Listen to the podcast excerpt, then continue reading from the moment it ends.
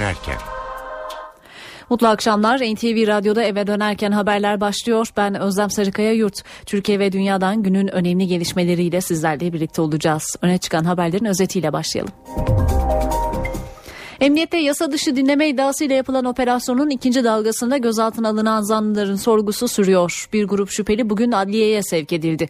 Ayrıntıları Çağlayan'dan canlı bağlantıyla aktaracağız. İçişleri Bakanı Efkan Ala emniyette paralel yapı iddiasıyla yürütülen operasyona dair sert açıklamalar yaptı. Ala hukukun dışına çıkana haddi bildiriliyor dedi. Sandığa dört gün kalan meydanlar ısındı. Cumhurbaşkanı adaylarının mesajlarına yakından bakacağız. IŞİD örgütü Kuzey Irak'ta Kürt yönetiminin merkezi Erbil'e yöneldi. Peşmerge ve Irak ordusu IŞİD'le çatışırken IŞİD'den kaçan binlerce Yezidi açlık tehlikesiyle karşı karşıya. Yaklaşık 3000'i de Türkiye'ye sığındı. Türkiye'nin kredi notunun düşeceği beklentisi doları fırlattı. Dolar 31 Mart'tan bu yana en 2.17 ile en yüksek seviyesini gördü. Peki doların bu seyri ne kadar sürecek uzmanına soracağız. Meyve suyu tebliği değişti. Artık saf meyve sularına şeker ilave edilemeyecek. İstanbullular dikkat yarın İstanbul'a dolu yağabilir, hortum da olabilir. Nem oranı %90'larda. Meteorolojinin tahminini ve uzmanların yorumlarını alacağız. Günün gündeminden satır başlarını aktardık. Şimdi ayrıntılar.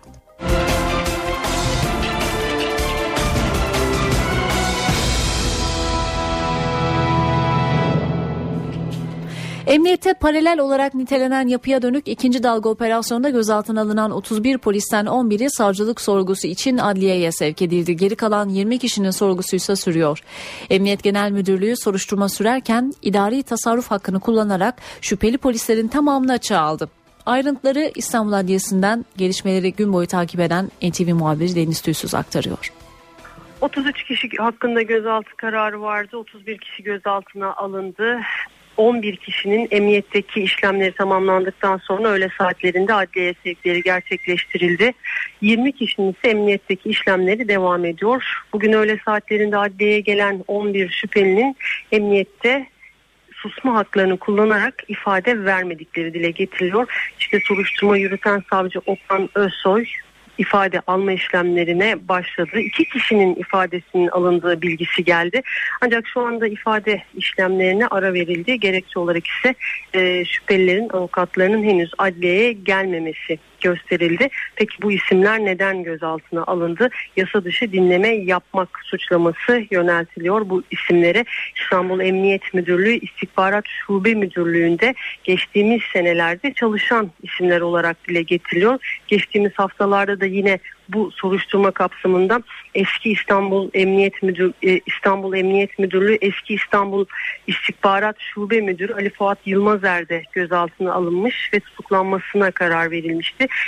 Gözaltına alınanların o dönemlerde İstihbarat İstanbul Emniyet Müdürlüğü İstihbarat Şube e, müdürlüğünde çalıştıkları dile getiriliyor. Geçtiğimiz haftalarda da bu kapsamda operasyonlar yapılmıştı ve dönemin İstanbul Emniyeti İstihbarat Şube Müdürü Ali Fuat Yılmazer de gözaltına alınmış ve yasa dışı dinleme suçlamasıyla da tutuklanmıştı. İşte bu isimlerin de o dönemde Ali Fuat Yılmazer'in ekibinde çalıştıkları dile getiriliyor. Ee, bir taraftan da geçtiğimiz e, operasyonda toplam 31 kişi gözaltına alınmıştı. Adliyeye gelen son gruptan 38 kişi ifade alınamadıkları gerekçesiyle serbest bırakılmıştı. İşte soruşturma yürüten savcı buna itiraz etti. Mahkeme itiraz dilekçesini sundu.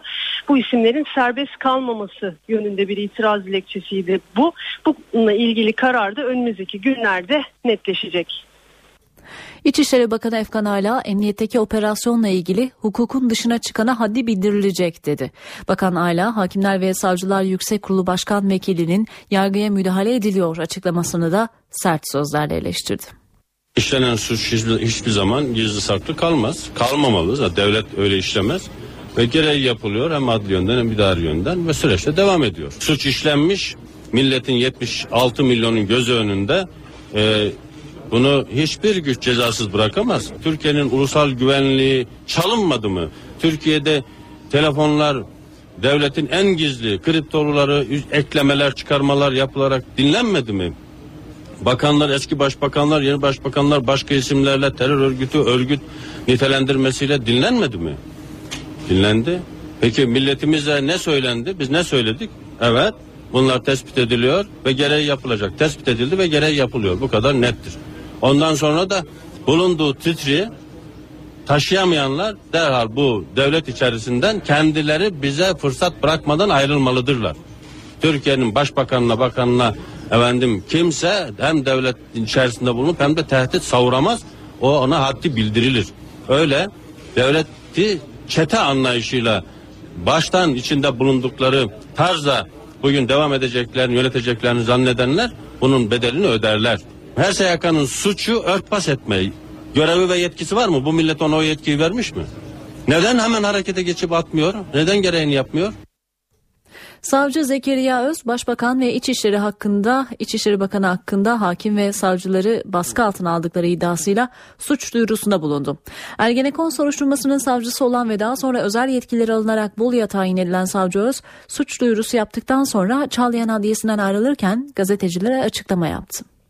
Hakkımızda sağda solda konuşan, medyada, meydanlarda konuşan devlet ve yürütme e, erkinin erkiyle alakalı e, suç duyurusunda bulundum. Bununla alakalı deliller de ibraz ettim. Kimsenin suç işleme özgürlüğü yoktur. Kimse hakim savcıları baskı altına alamaz. Geçmişte yaptığımız soruşturmaların tamamı hukuka uygundur. Hukuka aykırı hiçbir işlem yapmadık. Kaçtı, göçtü, işte gidiyor tarzında iddialar var alçakça. Hakim savcılarla ilgili soruşturmaların nasıl yapılacağı e, bellidir. Kanunlarda bellidir. Ama hukuk dışına çıkıp bu kanunları ihlal etmeye cesaret edenler olursa biz gene buradayız. Ben gene kaçmıyorum. Cumhurbaşkanı adayı ve Başbakan Recep Tayyip Erdoğan sandığa 4 gün kala Aydın'da halka seslendi. Az önce NTV Radyo'dan da dinlediğiniz konuşmasında Başbakan hem rakibi Ekmelettin İhsanoğlu'nu hem de Fethullah Gülen'i eleştirdi. Erdoğan Pensilvanya ekmeli tezgaha sürdü, halkın desteğini alamadığını görünce yine beddua etti. İhsanoğlu önce İstiklal Marşı'nı öğrensin daha sonra da Gülen'e üslup dersi versin dedi. Başbakan CHP lideri Kemal Kılıçdaroğlu ve MHP Genel Başkanı Devlet Bahçeli'ye de yüklendi. İki liderin bugüne kadar miting düzenleyemediğini söyledi. Başbakan Erdoğan'ın rakipleri de yurt gezilerini ve sivil toplum kuruluşlarının temsilcileriyle görüşmelerini sürdürüyor. Ekmelettin İhsanoğlu Alevi kanaat önderleriyle İstanbul'da bir araya geldi. Başbakan Erdoğan'ın üslubunu eleştirdi.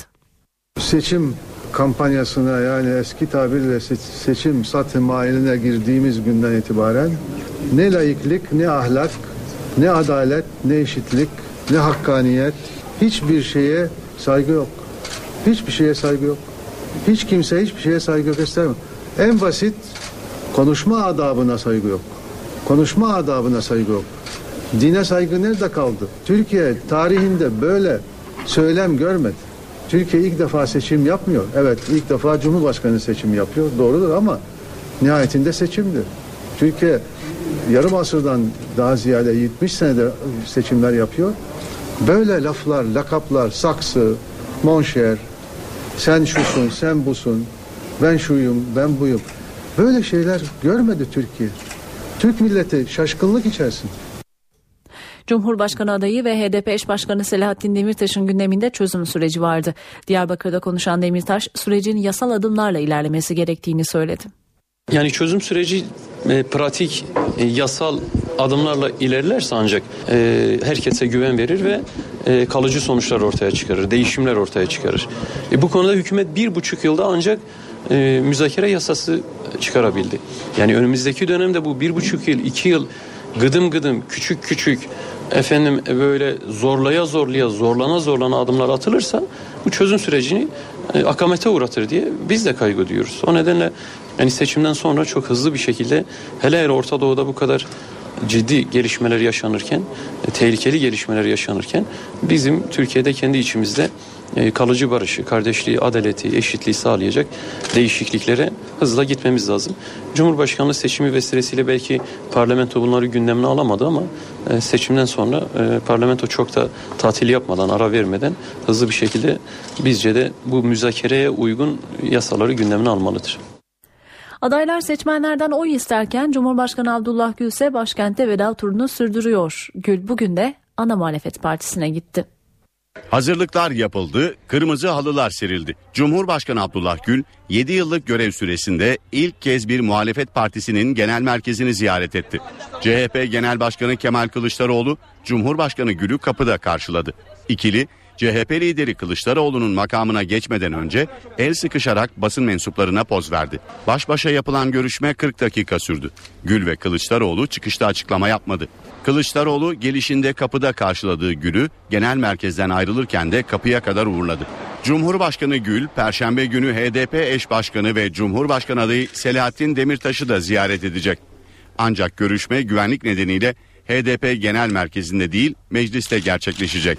Cumhurbaşkanı Gül MHP'den de randevu istedi. Ancak MHP lideri Devlet Bahçeli hafta boyunca Ankara dışında olduğu için bu görüşmenin 10 Ağustos'tan sonra yapılması gündemde. Cumhurbaşkanı Gül 12-19 Ağustos tarihlerinde de veda resepsiyonları verecek. Yurt dışındaki Türkler bu seçimde ilk kez oy kullandı. Katılım çok düşük olsa da uygulama Yüksek Seçim Kurulu'na pahalıya mal oldu. Seçim için 54 ülkede sandık kuruldu ve 70 milyon lira harcama yapıldı. Bu hesapla bir gurbetçi seçmenin Türkiye'ye masrafı 301 lira olarak hesaplandı. Türkiye'nin gurbetçiler için ilk kez yurt dışında sandık kurması masraflı oldu. 70 milyon lira harcanan yurt dışı seçimine katılım %10'un altında kaldı. Bir gurbetçi oyunun maliyeti 301 lira oldu. Yurt dışında yaşayan 2 milyon 722 bin 981 seçmen için 54 ülkede sandık kuruldu. Ancak sandık başına yalnızca 232 bin kişi gitti.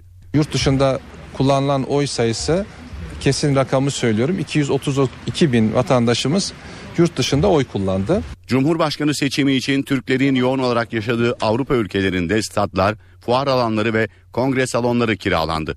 Almanya'da aralarında Berlin Olimpiyat Stadı'nın da bulunduğu 7 seçim merkezi için 4 milyon avro kira bedeli ödendi. Ancak 1 milyon 400 bin seçmenin kayıtlı olduğu ülkede sadece 113 bin kişi oy kullandı. Yüksek Seçim Kurulu yurt dışında sandık başına toplam 2643 kişi görevlendirdi. Bu kişilerin konaklama, yol, yemek gibi masrafları da YSK tarafından karşılandı. Devlet ilki yapılan yurt dışındaki seçimler için toplamda 70 milyon liralık kaynak aktardı. Yani toplamda oy başına 301 lira maliyet oluştu. Eğer seçmenlerin hepsi sandık başına gitmiş olsaydı bu rakam 25 lira olacaktı. Cumhurbaşkanı seçimine 4 gün kaldı. Nerede oy kullanacağını bilmeyen seçmenler Yüksek Seçim Kurulu'nun seçmen.ysk.gov.tr adresinden kimlik numarası girerek sandık numarası ve oy verme yerini öğrenebilir. Ayrıca oy vermeye giderken üzerinde vatandaşlık numarasının bulunduğu nüfus cüzdanı, pasaport, evlenme cüzdanı, sürücü belgesi gibi resmi kimlik belgesi gerektiğini de hatırlatmış olalım. NTV Radyo Irak'ta Musul ve çevresinde egemenliğini ilan eden Irak Şam İslam Devleti örgütü bu kez Kuzey Irak Kürt yönetiminin merkezi Erbil'de peşmergelerle çatışıyor. Kuzey Irak Bölgesel Kürt Yönetimi ve Bağdat hükümeti IŞİD'e karşı ortak mücadele konusunda askeri işbirliğini tekrar başlatma kararı aldı. IŞİD'den kaçan 50 bin Yezidinin ise Sincar yakınlarındaki dağlık bölgede saklandığı ve açlık tehlikesiyle karşı karşıya olduğu belirtiliyor. Kürt yetkililer yardım edilmezse binlerce Yezidinin 24 saat içinde açlıktan ölebileceği uyarısı yaptı. IŞİD'den kaçabilen Yezidilerin bir bölümü ise Türkiye'ye sığındı.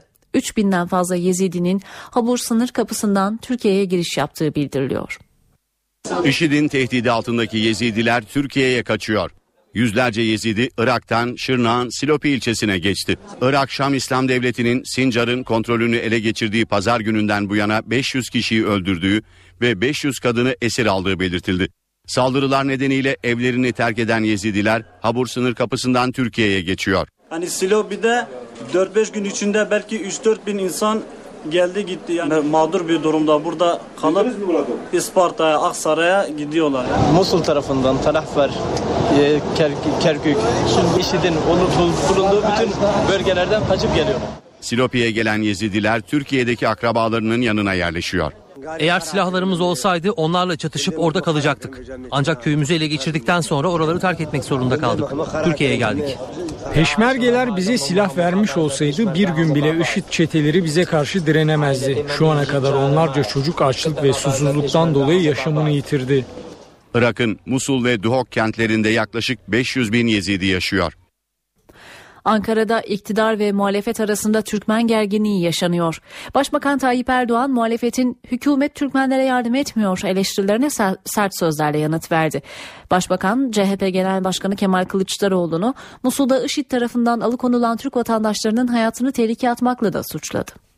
Başbakan Recep Tayyip Erdoğan, Yörük Türkmenleri Cumhurbaşkanını seçiyor etkinliğinde önce Türk dünyası temsilcileriyle halay çekti. Sonra da muhalefetin hükümet Türkmenlere yardım etmiyor eleştirilerine cevap verdi. Bizi işit hakkında konuşmamakla eleştir. Bunu Musul'da alıkonulan 49 vatandaşımızın hayatını tehlikeye atmak için yapıyorlar. İşte çapları bu kadar. Başbakan muhalefeti yaptığı açıklamalarla hem Türkmenlerin hem de Musul'da alıkonulan konsolosluk çalışanlarının hayatını tehlikeye atmakla suçladı. Irak ve Suriye Türkmenlerini burada iç siyaset malzemesi yapmak son derece tehlikelidir.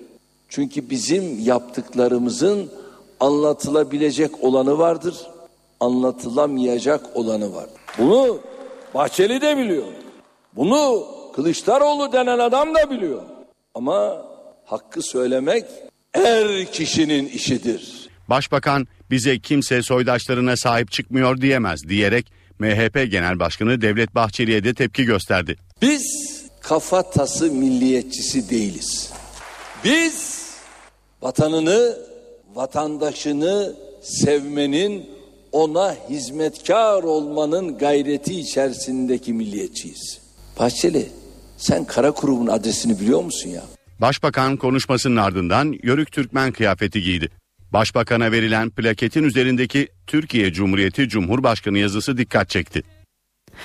Türkiye'ye sığınan ve büyük şehirlerde sayısı her geçen gün artan Suriyeli göçmenler için Başbakan Yardımcısı Beşir Atalay vatandaşlara yardım çağrısı yaptı. Onlar misafirlerimiz iyi davranalım diyen Bakan Atalay, dilencilik yapan Suriyelilerin kamplara yerleştirilmesi için valiliklere genelge gönderildiğini açıkladı.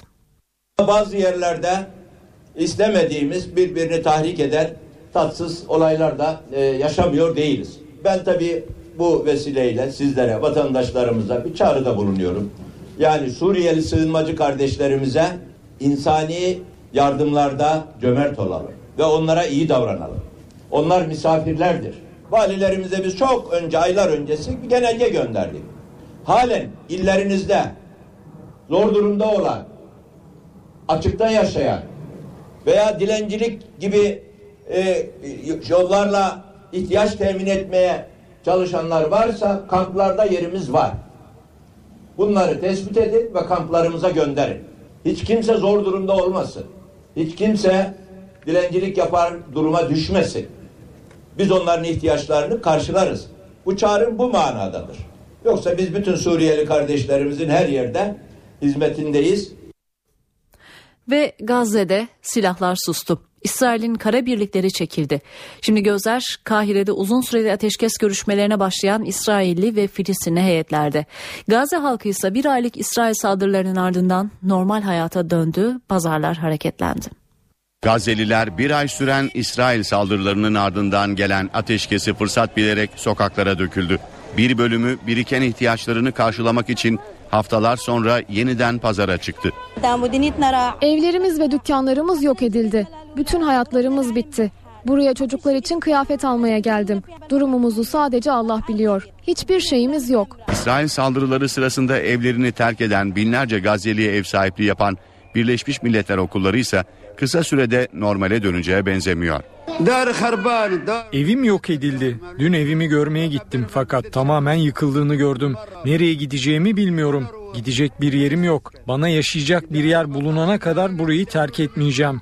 Burada 70 kişilik bir aile olarak yaşıyoruz. 1900'den fazla Filistinlinin yaşamını yitirdiği İsrail saldırıları bölgede büyük bir yıkıma da neden olmuş durumda.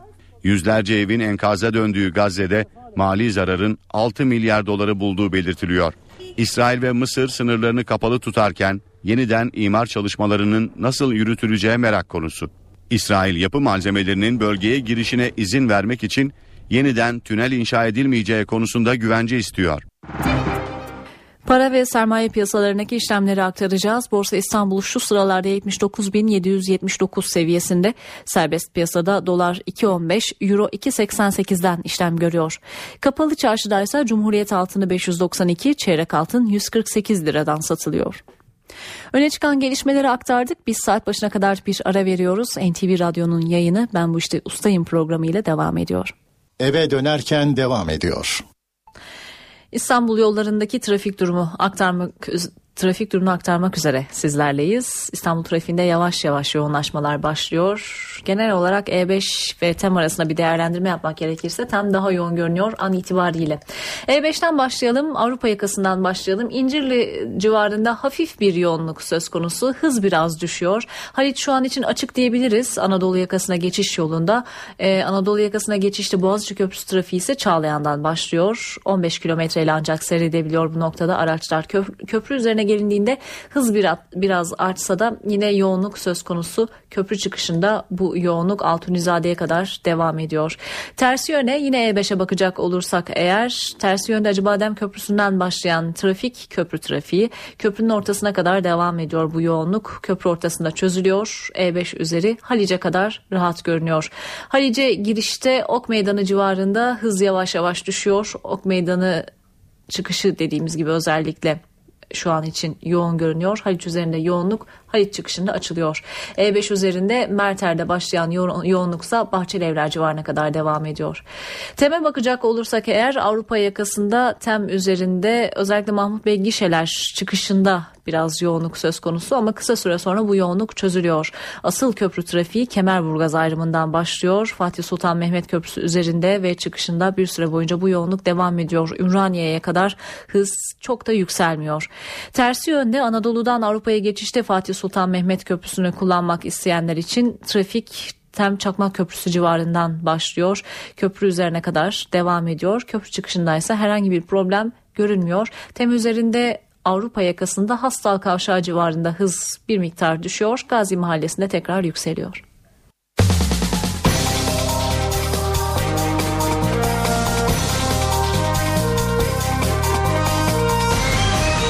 Eve dönerken.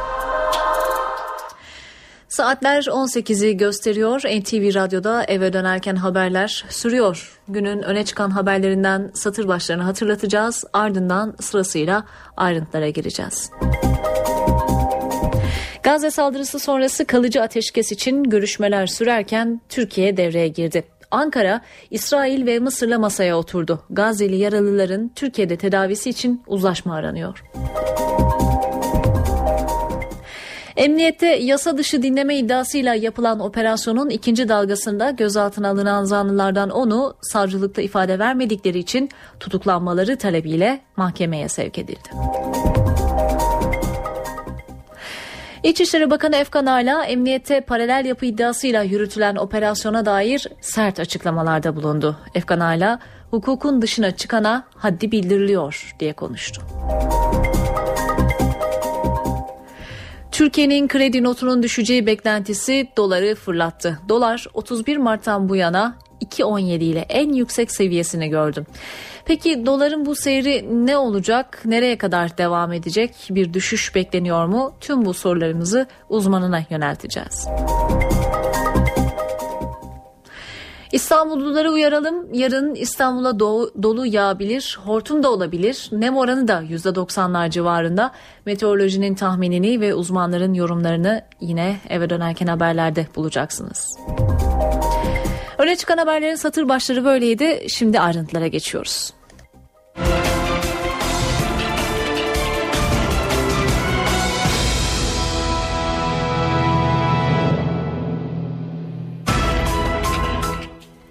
Gazze'de kalıcı ateşkes için görüşmeler sürerken Türkiye insani yardım için devreye girdi. Ankara, İsrail ve Mısır'la masaya oturdu. Gazze'li yaralıların Türkiye'de tedavisi için uzlaşma aranıyor. Dışişleri Bakanı Ahmet Davutoğlu'ndan da açıklamalar geldi. Bakanın neler söylediğini NTV muhabiri Deniz Kilislioğlu aktarıyor. Davutoğlu açıkladı. Dışişleri Bakanı insani yardım gönderilmesi ve Gazze'li yaralıların taşınmasında Türkiye'den bir hava köprüsü kurulması için İsrail'le ve Mısır'la görüşüyoruz dedi. E, 9 bin civarında 9 binin üzerinde yaralı vardı ve Davutoğlu Gazze'den getirilecek yaralılar konusunda bir sınırlamamız yok ifadelerini kullandı. İzin çıkması halinde hava ambulanslarımız yaralıları getirecek dedi. Hatırlayacaksınız daha önce insani yardımın ulaştırılması konusunda özellikle tıbbi malzeme ve ilaçların ulaştırılması konusunda Dışişleri Bakanlığı müsteşarının çabaları vardı. Feridun Sinirlioğlu İsrailli muhatabıyla görüşmüştü ve bir uçağın oraya inmesi için e, Gazze yardımları ulaştırabilmesi için bir uçuş izni konusunu konusunu görüşmüştü müsteşarla İsrailli müsteşarla ve o izni almıştı.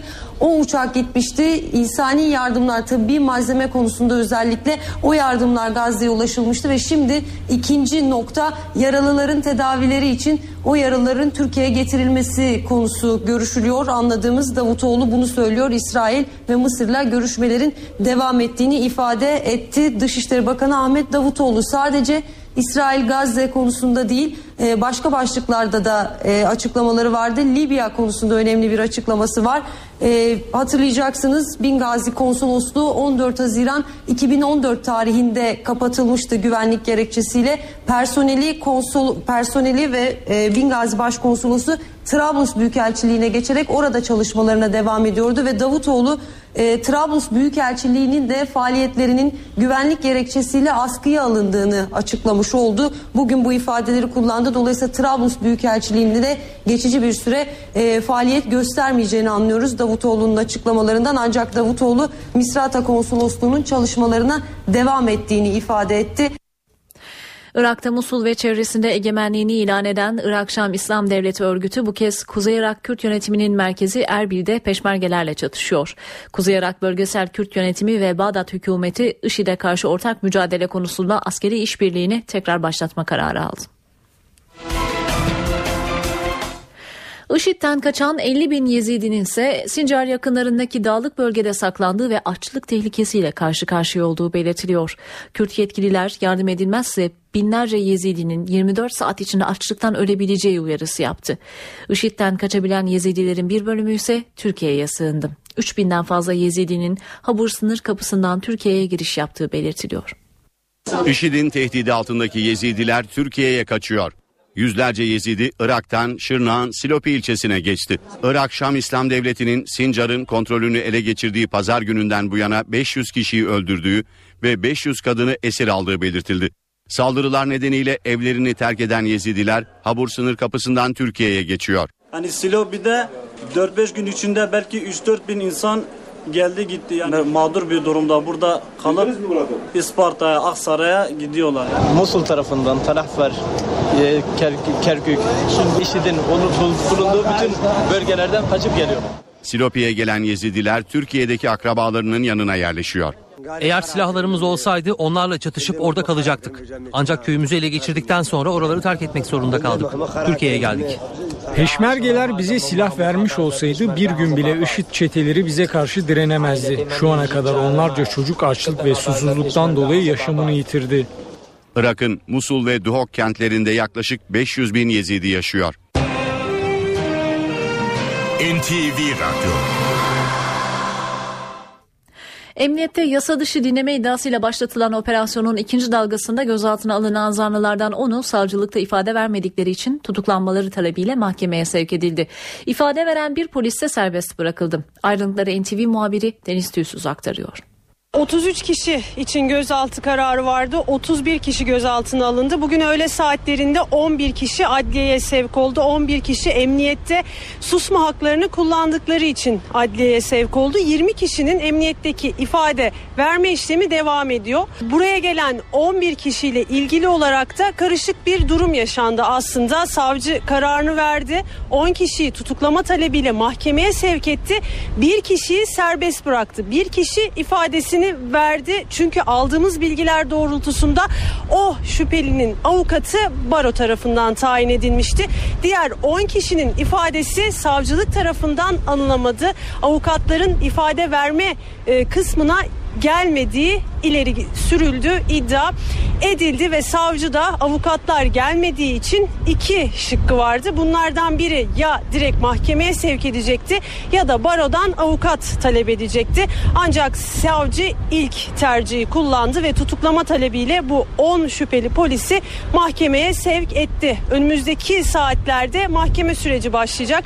Peki bu karışıklık neden yaşandı? Geçtiğimiz günlerde bir gazetede bir yazı yayınlanmıştı ve yazıda soruşturmanın içeriğine ilişkin bilgiler olduğu iddia edilmişti. İşte avukatlar da şüphelilerin avukatları da savcının taraflı olduğu gerekçesiyle başsavcılığa bir dilekçe yazmış ve bu savcı Okan Özsoy'un soruşturmadan alınması gerektiğini, adil yargılama çerçevesinde şüpheleri olduğunu dile getirmişlerdi. Ancak başsavcılık bu dilekçeyi, bu talebi reddetti. Avukatların ilk olarak yaptıkları açıklamalar şu yöndeydi.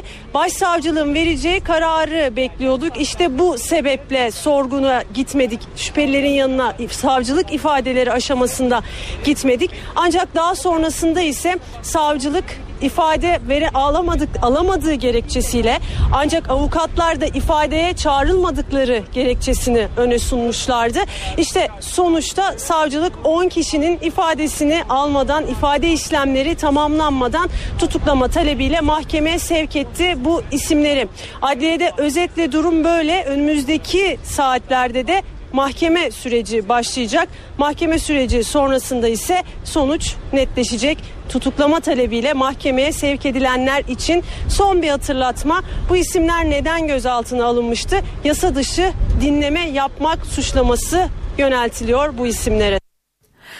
İçişleri Bakanı Efkan Ala emniyetteki bu operasyonla ilgili hukukun dışına çıkana haddi bildirilecek dedi.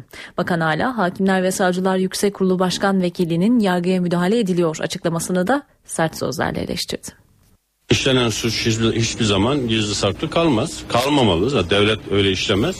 Ve gereği yapılıyor hem adli yönden hem idari yönden ve süreçte devam ediyor. Suç işlenmiş milletin 76 milyonun gözü önünde e, bunu hiçbir güç cezasız bırakamaz. Türkiye'nin ulusal güvenliği çalınmadı mı? Türkiye'de telefonlar devletin en gizli kriptoruları eklemeler çıkarmalar yapılarak dinlenmedi mi? Bakanlar, eski başbakanlar, yeni başbakanlar başka isimlerle terör örgütü, örgüt nitelendirmesiyle dinlenmedi mi? Dinlendi. Peki milletimize ne söylendi? Biz ne söyledik? Evet. Bunlar tespit ediliyor ve gereği yapılacak. Tespit edildi ve gereği yapılıyor. Bu kadar nettir. Ondan sonra da bulunduğu titri taşıyamayanlar derhal bu devlet içerisinden kendileri bize fırsat bırakmadan ayrılmalıdırlar. Türkiye'nin başbakanına bakanına efendim kimse hem devlet içerisinde bulunup hem de tehdit savuramaz. O ona haddi bildirilir. Öyle devleti çete anlayışıyla baştan içinde bulundukları tarzda bugün devam edeceklerini yöneteceklerini zannedenler bunun bedelini öderler. Her SYK'nın suçu örtbas etmeyi. Görevi ve yetkisi var mı? Bu millet ona o yetkiyi vermiş mi? Neden hemen harekete geçip atmıyor? Neden gereğini yapmıyor? Savcı Zekeriya Öz, Başbakan ve İçişleri Bakanı hakkında hakim ve savcıları baskı altına aldıkları iddiasıyla suç duyurusunda bulundu. Ergenekon soruşturmasının savcısı olan ve daha sonra özel yetkileri alınarak Bolu'ya tayin edilen savcı Öz, suç duyurusu yaptıktan sonra Çağlayan Adliyesi'nden ayrılırken gazetecilere açıklama yaptı. Hakkımızda sağda solda konuşan, medyada, meydanlarda konuşan devlet ve yürütme e, erkinin erkiyle alakalı e, suç duyurusunda bulundum. Bununla alakalı delilleri de ibraz ettim. Kimsenin suç işleme özgürlüğü yoktur. Kimse hakim savcıları baskı altına alamaz. Geçmişte yaptığımız soruşturmaların tamamı hukuka uygundur. Hukuka aykırı hiçbir işlem yapmadık. Kaçtı, göçtü, işte gidiyor tarzında iddialar var alçakça. Hakim savcılarla ilgili soruşturmaların nasıl yapılacağı e, bellidir. Kanunlarda bellidir. Ama hukuk dışına çıkıp bu kanunları ihlal etmeye cesaret edenler olursa biz gene buradayız. Ben gene kaçmıyorum.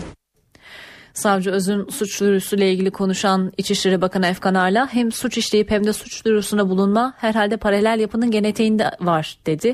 Bunu da eklemiş olalım. Cumhurbaşkanı adayı ve Başbakan Recep Tayyip Erdoğan sandığa 4 gün kala Aydın'da halka seslendi. Başbakan konuşmasında Gülen cemaatine ve muhalefete yüklendi. Pensilvanya. Bu ekmeli tezgaha sürenlerin başında var. Önceki gün çıkmış bir kez daha beddua etmiş.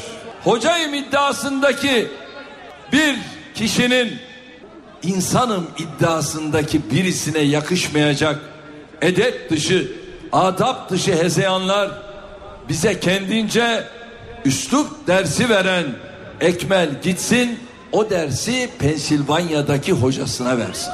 Bu ortak adayın ikinci efendisi kim? CHP'nin genel müdürü. O da dün kameraların, mikrofonların önüne geçmiş. O da seviyesini ortaya koyuyor. Burada tekrar edemeyeceğim ifadeler kullanıyor. Yahu bir genel başkana, Türkiye Cumhuriyeti'nin başbakanına küfretmek yakışır mı? Millete de küfrediyor. Bunlarda seviye diye bir şey yok. Yerlerde dolaşan edebiyle milletin adayına aslında bizzat milletin kendisine hakaret ediyor. Eğer Ekmel'de ders verecek kapasite varsa gitsin ikinci efendisi CHP Genel Müdürü'ne üslup dersi, edep dersi versin. Başbakan Erdoğan'ın rakipleri de yurt gezilerini ve sivil toplum kuruluşlarının temsilcileriyle görüşmelerini sürdürüyor. Ekmelettin İhsanoğlu Alevi kanaat önderleriyle İstanbul'da bir araya geldi. İhsanoğlu Başbakan Erdoğan'ın üslubunu eleştirdi. Seçim kampanyasına yani eski tabirle se- seçim satı mailine girdiğimiz günden itibaren ne laiklik, ne ahlak, ne adalet, ne eşitlik, ne hakkaniyet hiçbir şeye saygı yok. Hiçbir şeye saygı yok. Hiç kimse hiçbir şeye saygı göstermiyor. En basit konuşma adabına saygı yok. Konuşma adabına saygı yok. Dine saygı nerede kaldı? Türkiye tarihinde böyle söylem görmedi. Türkiye ilk defa seçim yapmıyor. Evet ilk defa Cumhurbaşkanı seçimi yapıyor. Doğrudur ama nihayetinde seçimdir. Türkiye yarım asırdan daha ziyade 70 senede seçimler yapıyor. Böyle laflar, lakaplar, saksı, monşer, sen şusun, sen busun, ben şuyum, ben buyum. Böyle şeyler görmedi Türkiye. Türk milleti şaşkınlık içerisinde. Cumhurbaşkanı adayı ve HDP eş başkanı Selahattin Demirtaş'ın gündeminde çözüm süreci vardı. Diyarbakır'da konuşan Demirtaş sürecin yasal adımlarla iler- ilerlemesi gerektiğini söyledi. Yani çözüm süreci e, pratik, e, yasal adımlarla ilerlerse ancak e, herkese güven verir ve e, kalıcı sonuçlar ortaya çıkarır, değişimler ortaya çıkarır. E, bu konuda hükümet bir buçuk yılda ancak e, müzakere yasası çıkarabildi. Yani önümüzdeki dönemde bu bir buçuk yıl, iki yıl gıdım gıdım, küçük küçük efendim e, böyle zorlaya zorlaya, zorlana zorlana adımlar atılırsa bu çözüm sürecini e, akamete uğratır diye biz de kaygı duyuyoruz. O nedenle yani seçimden sonra çok hızlı bir şekilde hele hele Orta Doğu'da bu kadar ciddi gelişmeler yaşanırken, e, tehlikeli gelişmeler yaşanırken bizim Türkiye'de kendi içimizde e, kalıcı barışı, kardeşliği, adaleti, eşitliği sağlayacak değişikliklere hızla gitmemiz lazım. Cumhurbaşkanlığı seçimi vesilesiyle belki parlamento bunları gündemine alamadı ama e, seçimden sonra parlamento çok da tatil yapmadan, ara vermeden hızlı bir şekilde bizce de bu müzakereye uygun yasaları gündemine almalıdır. Kısa bir aranın ardından tekrar sizlerle olacağız. Eve dönerken devam ediyor. Haberlerimizi aktarmayı sürdürüyoruz. Moody's'in Türkiye'nin notunu düşüreceği tahminleriyle dolar zirve yaptı. Gün içinde 2.17'yi geçti. Bu 31 Mart'tan bu yana görülen en yüksek seviye. Peki doların bundan sonra seyri nasıl olacak? Piyasa uzmanı Volkan Kucuk kısa vadede doların düşmeyeceği görüşünde. Şu anda tamamıyla yurt dışındaki gelişmelere bağlı olarak içeride dolar TL'nin yukarı yönlü hareket ettiğini görmekteyiz. Ve bunu da şu şekilde özetleyebiliriz. Özellikle Amerika Birleşik Devletleri'nde gelen ekonomik verilerin olumlu olması ve iyim, iyimser verilerin gelmesiyle birlikte Amerika'nın e, faiz arttırım konusunun e, öne çekilebileceği korkusu ve endişesiyle birlikte e, özellikle faizlerde bir yukarı hareket görülüyor ve içeride de dolar TL'nin de e, yükseliş yönlü hareketine tanık olduk. E, bundan çok değil bir hafta hatta 15 gün kadar önce içeride e, kısa vadeli gösterge faiz dediğimiz faizlerin 8.2 e, civarlarından bugün baktığımızda %9'un üzerinde yerleştiğini görüyoruz ki içeride de faiz tarafında da bir yükseliş hareketi söz konusu. Dolar iki tane kritik bölgenin üzerinde kaldı ki ilk kritik bölgesi 2.12-2.13 bandıydı. Bu bandın üzerinde kalarak daha e, öncesi denediği fakat kıramadı 2.15 seviyesinin de üzerine yerleşmiş gibi görünüyor. Eğer haftayı 2.15 e, seviyesi üzerinde tamamlarsak biz dolar TL'de muhtemelen yukarı yönlü harekette 2.17-2.18 seviyelerinin yeniden denenmesi bu seviyelerden fiyatların oluşmasını bekleyebiliriz. Ama bu haftaki kapanış oldukça önemli ve yurt dışındaki verilerin de e, bundan sonra e, ne şekilde geleceği bizim piyasamız açısından önemli. Aslında genel olarak bakıldığında bir gelişmekte olan ülkelerde bir e, para çıkışı kısmi olarak göze, göze çarpıyor ve dolar karşısında bir değer kaybı söz konusu. Bunu da tabii ki e, hani topyekün olarak özetlemek gerekirse dolar endeksinde 81,5 seviyesi üzerinde oluşan bir hareket aslında doları da bir noktada tüm para birimleri karşısında güçlü hale getirdi. 2.15 seviyesi üzerinde kalmaya devam ettiği sürece 2.17-2.18 seviyelerine kadar olan ataklar devam edebilir. Hatta 2.17-2.18 seviyesindeki e, hareketin üzeri olabilir mi? Evet şu anda e, grafiksel anlamda baktığımızda evet olabilir ama şu anda şart bu, bu konuyu konuşabilmek için e, özellikle yurt dışındaki gelişmelerin e, tansiyonun düşüp düşmeyeceği bu bağlamda önemli. Para ve sermaye piyasalarındaki işlemlere bakalım. Borsa İstanbul günü 79.432 puandan tamamladı. Serbest piyasada dolar 2.16, euro 2.88'den işlem gördü. Kapalı çarşıda ise Cumhuriyet altını 592, çeyrek altın 148 liradan satıldı. İstanbul Fikirtepe'deki kentsel dönüşümde son engel de ortadan kalktı. 30 dönümlük arazide tek başına kalan ve 2 yıldır direnen binanın sahibi sonunda 5 daire karşılığında kentsel dönüşüm yapacak firmayla el sıkıştı. 30 dönüm arazide sadece bir bina var. 2 yıl boyunca anlaşma sağlanamadı. 584 hak sahibi bekledi. İnşaat firması hak sahiplerine her ay 640 lira kira bedeli verdi. Sonunda taraflar bir kez daha bir araya geldi.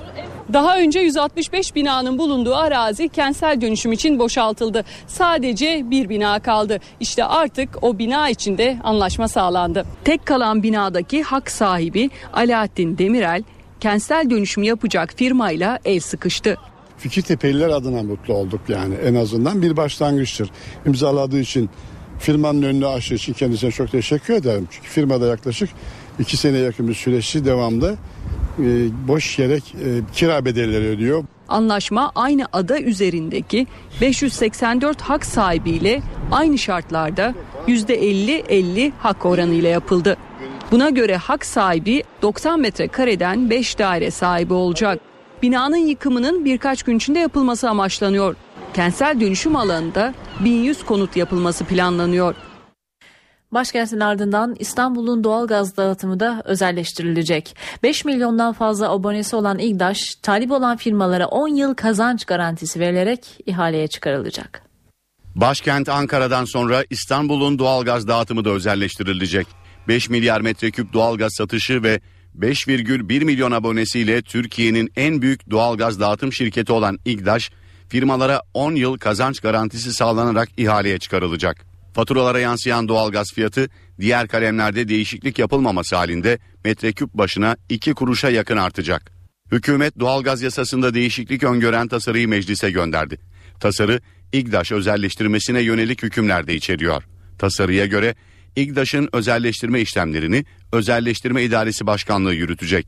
Elde edilecek gelirden önce hazinenin garantör olduğu kredilerden kaynaklı borçlar ödenecek. Kalan miktar İstanbul Büyükşehir Belediyesi'ne aktarılacak. İGDAŞ'ın hisse satış sözleşmesinin imzalanmasından sonra 10 yıl boyunca metreküp başına 6,20 sent birim hizmet amortisman bedeli, 1,48 sentte taşıma bedeli alınacak.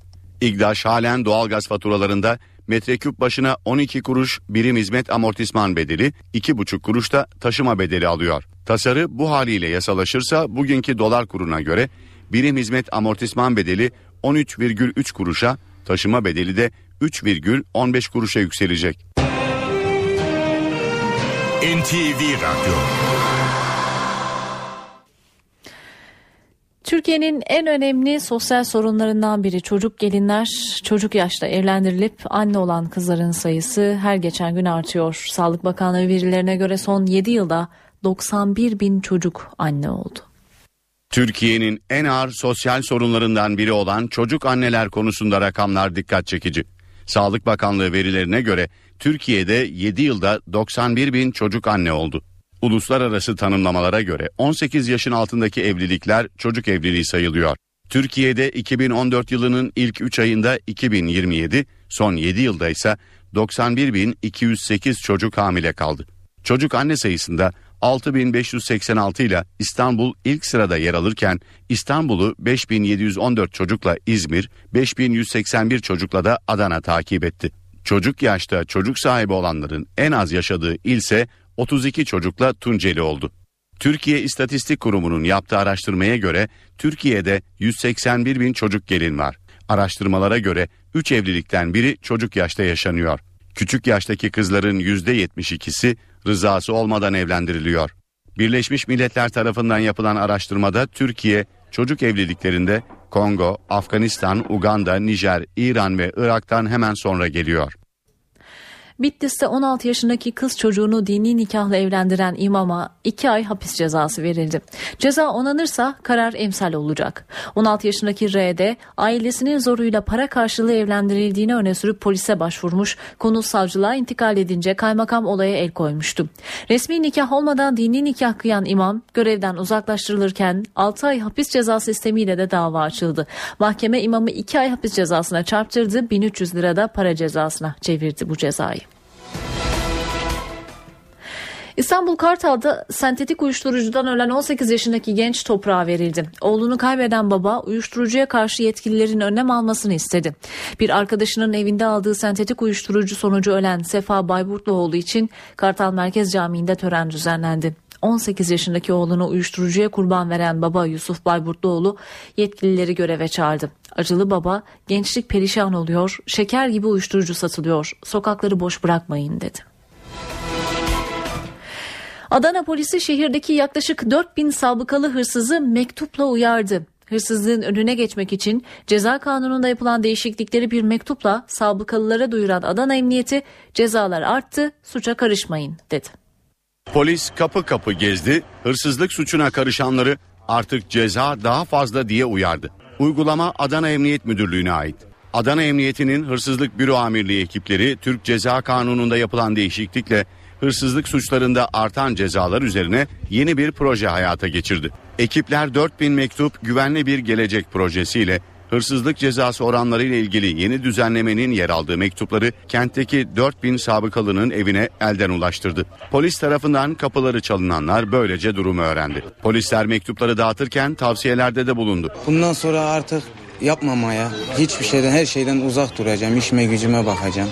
Adana Emniyeti daha önce İçimizden Birileri projesi kapsamında hırsızlık suçuna karışan 500 kişiyi 500 polise zimmetleyerek kentteki hırsızlık olaylarının azalmasını sağlamıştı. Lidya dönemi mezarları yurda dönüyor. Kültür ve Turizm Bakanlığı Anadolu'dan Amerika'ya kaçırılan eserlerin yerlerini tespit etti. FBI destekli operasyona ele geçirilen çok değerli parçalar şimdi Türkiye'ye getiriliyor. Kültür ve Turizm Bakanlığı Anadolu'dan yurt dışına kaçırılan Lidya dönemine ait mezar ve adak stellerini Amerika Birleşik Devletleri'nden geri getiriyor. Bakanlık yerini tespit ettiği eserleri FBI ve Washington Emniyet Müşavirliği'nin düzenlediği operasyonla geri aldı. Amerika Birleşik Devletleri'nde FBI yetkilileri tarihi eserleri Türkiye'nin Washington Büyükelçiliğine törenle teslim etti. From Turkey. Eserleri Türkiye'ye geri kazandırmaktan büyük mutluluk duyuyoruz. Şimdi eserler doğru sahiplerine geri dönüyor.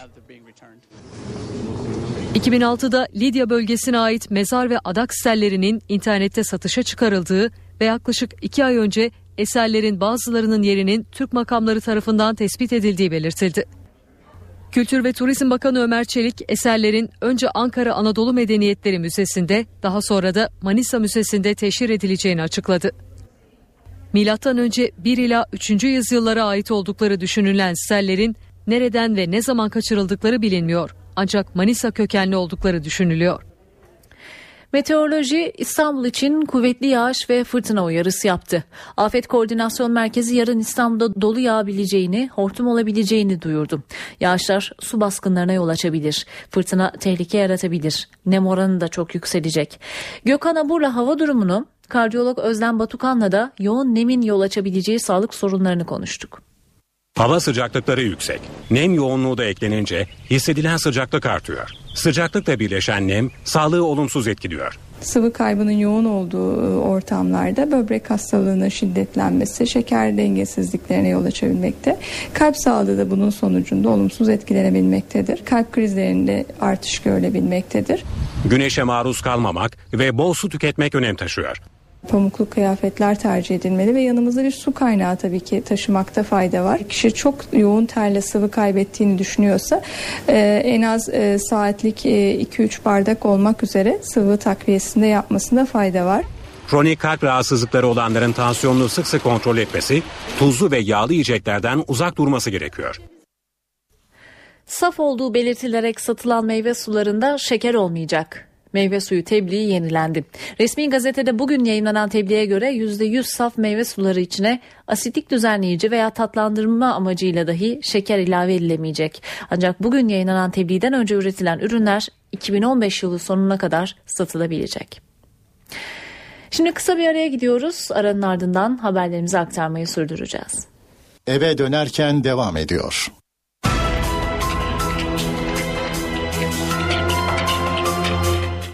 NTV Radyo'da haberleri aktarmayı sürdürüyoruz. Batı Afrika'dan Batı Afrika'da Ebola'dan ölenlerin sayısı 932'ye yükseldi. Dünya Sağlık Örgütü 2-4 Ağustos tarihleri arasında Ebola virüsü nedeniyle 45 kişinin daha yaşamını yitirdiğini duyurdu. Ölümlerin çoğu Liberya'da gerçekleşti. Liberya'nın dışında Gine ve Sierra Leone'de de etkisini gösteren salgın Nijerya'ya da sıçramış durumda. Ebola virüsü bulaşanların sayısının toplamda 1700'ün üzerinde olduğu belirtiliyor. Çin'in güneybatısında büyük yıkıma yol açan depremde ölü sayısı giderek artıyor. Yıkılan binaların altından toplam 600 kişinin cansız bedeni çıkarıldı. Enkaz bölgesinden zaman zaman iyi haberler de geliyor. Çin'in güneybatısını vuran 6.1'lik depremin ardından arama kurtarma çalışmaları sürüyor. Yunnan bölgesinde ekipler zamana karşı yarış içinde. Yer yer elleriyle kazarak enkaz altında kalanlara ulaşmaya çalışıyorlar. Ölü sayısı her geçen saat artıyor ancak umutlar tamamen tükenmiş değil. Depremin merkez üssü olan Lüdyan ilçesinde 88 yaşında bir kadın 50 saat sonra enkaz altından sağ çıkarıldı. Kadının sağlık durumunun iyi olduğu belirtiliyor.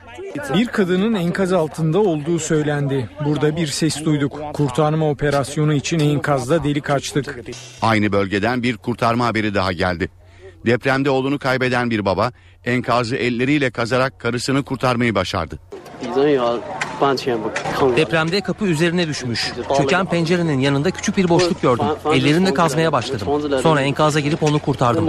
Çin yönetimi depremzedelere yardım ulaştırmayı da sürdürüyor. Bölgede çadır kamplar oluşturuluyor. Japonya'nın Hiroşima kentine atom bombası atılmasının üzerinden 69 yıl geçti. Japonlar saldırıda yaşamını yitirenleri gözyaşlarıyla andı. Törene Amerika Birleşik Devletleri'nin Tokyo Büyükelçisi de katıldı. Hiroşima'ya atılan atom bombasında yaşamını yitirenler 69 yıl sonra bir kez daha anıldı. Saldırıdan kurtulanların da aralarında bulunduğu binlerce kişi bombanın kente düştüğü saatte hayatını kaybedenler için bir dakikalık saygı duruşunda bulundu. Bizler Japonlar nükleer saldırının tek kurbanlarıyız. Dünyayı nükleer silahlardan arındırmak için önemli bir sorumluluğumuz var. Törene Amerika Birleşik Devletleri'nin Tokyo Büyükelçisi de katıldı. Amerika Birleşik Devletleri'nin 69 yıl önce Hiroşima'ya attığı atom bombasında ilk anda 35 bin kişi hayatını kaybetmiş, bombanın etkisiyle yıl sonuna kadar 145 bin kişi yaşamını yitirmişti. Hiroşima'ya atılan atom bombasının ardından Washington 3 gün sonra da Nagasaki kentine atom bombası atmış 70 bin kişi hayatını kaybetmişti. Nagasaki'ye atılan bombadan 6 gün sonra Japonya'nın teslim olmasıyla 2. Dünya Savaşı sona ermişti. Rusya'da bir hacker grubunun dünya çapında 500 milyondan fazla e-mail adresinden 1,2 milyar kullanıcı adı ve şifrelerini çaldığı belirtiliyor. Bu rakam bugüne kadarki en büyük hacker saldırısı olarak niteleniyor. Rusya'nın güneyindeki küçük bir şehirde yaşayan 12 gençten oluşan hacker grubunun saldırılarını bilgisayar güvenliği konusunda uzmanlaşmış olan Amerikan şirketi ortaya çıkardı. İngiltere'de yapılan bir araştırmada her gün aspirin içmenin bağırsak ve mide kanserine yakalanma riskini azalttığı iddia edildi. Ancak uzmanlar aspirinin yan etkilerine de dikkat çekiyor. Aspirin kanser riskini azaltıyor. Tespit İngiltere'de yapılan bir araştırmadan. Aspirinin fayda ve zararları konusundaki 200 çalışmayı inceleyen bilim insanları düzenli aspirin kullanımının bağırsak ve mide kanserine yakalanma riskini azalttığını ortaya koydu. Oran %30 ila 40. Araştırmada aspirinin meme, prostat ve akciğer kanserinden ölümleri de azalttığı belirlendi. Araştırmacılar aspirinin fayda göstermesi için en az 5 yıl düzenli kullanılması gerektiğini ifade ediyor. Ancak uzmanlar aspirinin olası yan etkilerine de dikkat çekiyor. Aspirinin beyin ve mide kanaması riskini arttırdığı uyarısı yapılıyor. Bu sebeple uzmanlar aspirinin doktor kontrolünde ve sadece 10 yıl süreyle kullanılmasını öneriyor. Öte yandan aspirinin kanseri nasıl önlediği tam olarak bilinmiyor. Ancak aspirinin iltihabı azalttığı ya da hastalığın yayılmasına neden olan kan hücrelerini etkilediği düşünülüyor. CNBC'de yayınlanan komedi dizisi Big Bang Theory yeni sezonda devam edecek. Dizinin yapımcıları ve oyuncuları arasındaki anlaşmazlık aşıldı. Başrol oyuncuları bölüm başına birer milyon dolar alacak. Oyuncular anlaştı. Yeni sezonun çekimleri başlıyor. Milyonlarca takipçisi bulunan Big Bang Theory 8. sezonuyla ekrana dönmeye hazırlanıyor. Dizinin yapımcıları ve yıldız oyuncuları 3 yıllık bir sözleşmeye imza attı. Böylelikle dizinin en az 10 sezon süreceği kesinleşmiş oldu. Sheldon rolüyle altın küre alan Jim Parsons, Johnny Galecki ve Kelly Coco 3 yıl boyunca bölüm başına 1 milyon dolar ücret alacak. CNBC'de de yayınlanan Big Bang Theory aynı evi paylaşan iki bilim adamının hikayesini konu alıyor. Dizinin yeni sezonu 22 Eylül'de Amerika Birleşik Devletleri'nde yayına girecek. Beşiktaş Devler Ligi'nde tur için sahaya çıkacak. Siyah Beyazlılar Şampiyonlar Ligi 3. ön eleme turunun rövanşında Hollanda'nın Feyenoord ekibiyle karşılaşacak. Müsabakaya dair notları NTV Spor muhabiri Övünç Özden bizlere aktaracak. Övünç 11'ler belli oldu mu diye soralım. Taraftarın maça ilgisi nasıl diye soralım. Sözü sana bırakalım. Merhaba, yayınlar dilerim öncelikle. Henüz ilk 11'ler resmi olarak belli olmadı. Ben de e, sabah öğle saatlerinden itibaren daha doğrusuyla Nevzat Demir testlerinde takımla beraber çıkış yapmayı bekliyordum. Şu an için yoldayız. Hem Beşiktaş takım otobüsü hem biz Atatürk Olimpiyat Stadı'na doğru gitmeye çalışıyoruz ama Olimpiyat Stadı'ndan bilgiler gelmeye başladı. Feyenoord maçının ilk 2-1'lik deplasman galibiyetinin ardından bu karşılaşmaya yoğun bilgi bekliyordu Beşiktaş yönetimi. Ancak pazartesi gününe kadar satılan biletler bu beklentiyi karşılamadı.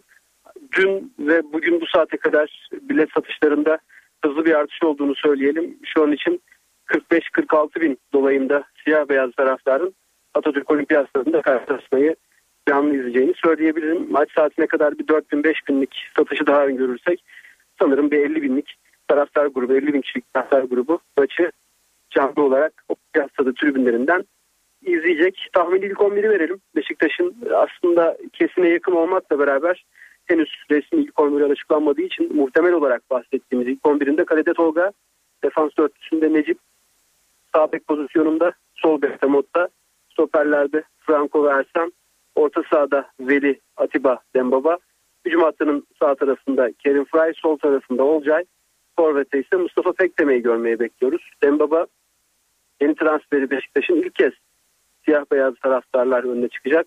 Hem kendisi adına hem de taraftarlar adına önemli bir akşam olacaktır olimpiyat stadında. 166. Avrupa maçı Beşiktaş'ın. Bunu da notlarımız arasında ekleyelim. 61 galibiyeti 74 mağlubiyeti vardı geride kalan 165 maçta diyerek Feyenoord'un muhtemel bir kombinle verip sözü yeniden sana bırakalım. Kalede Mulder, defans örtüsünde Nelom, Van Beek, Matizen, Kongolo, orta sahada Klasi, Immers, Vilhena, hücum hattının sağ tarafında Şaken, sol tarafında Boateus ve Forvet'te Evre'de ilk 11'ini bekliyoruz. Feyenoord takım otobüsü de kaldıkları, kamp yaptıkları otelden ayrıldı. Onlar da sanırım bir 15-20 dakika içinde hatta bizden daha önce Atatürk Olimpiyat Stadı'na ulaşmış olacaklardır deyip söz yeniden sana bırakalım. NTV Radyo'da eve dönerken haberlerde şimdi kültür sanat diyeceğiz. Günün etkinliklerinden bir derleme sunuyoruz. Eve dönerken devam ediyor.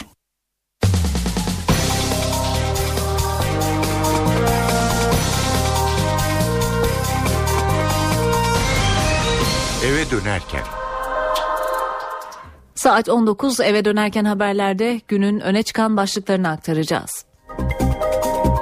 Gazze saldırısı sonrası kalıcı ateşkes için görüşmeler sürerken Türkiye devreye girdi. Ankara, İsrail ve Mısır'la masaya oturdu. Gazze'li yaralıların Türkiye'de tedavisi için uzlaşma aranıyor. Dışişleri Bakanı Ahmet Davutoğlu Gazze'ye yardım sağlamak ve yaralıları Türkiye'ye getirmek için hava koridoru oluşturulması üzerinde çalıştıklarını ifade etti.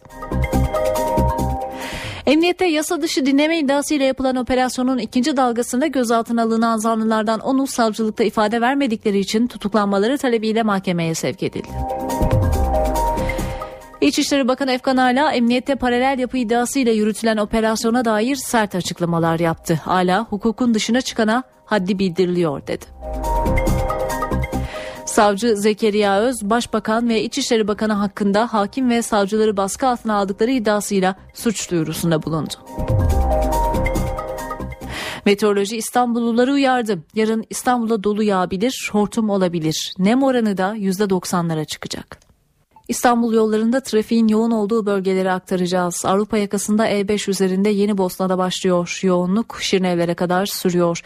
Sonrasında köprü trafiği var. Perpa civarında başlıyor. Çağlayan civarında başlıyor bu yoğunluk. Köprü üzerinde köprü çıkışında Altunizade'ye kadar devam ediyor. Tersi yönde Anadolu'dan Avrupa'ya geçişte yine Boğaziçi Köprüsü'nü kullanacaklar için Acıbadem Köprüsü civarında başlayan trafik köprü ortasında çözülüyor. E5 üzerinde ise Avrupa yakasında yine aynı yönde yönde devam edecek olursanız Cevizli Bağ'da başlayan yoğunluk Bahçeli Evler, Şirin Evler'e kadar sürüyor.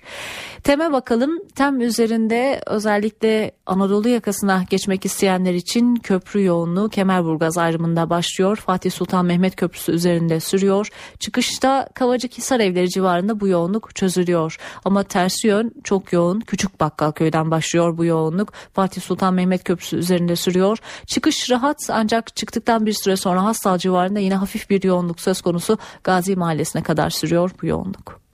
Eve dönerken haberleri burada noktalıyoruz. NTV Radyo'da kısa bir aranın ardından Çift Forvet programı başlayacak. Hoşçakalın.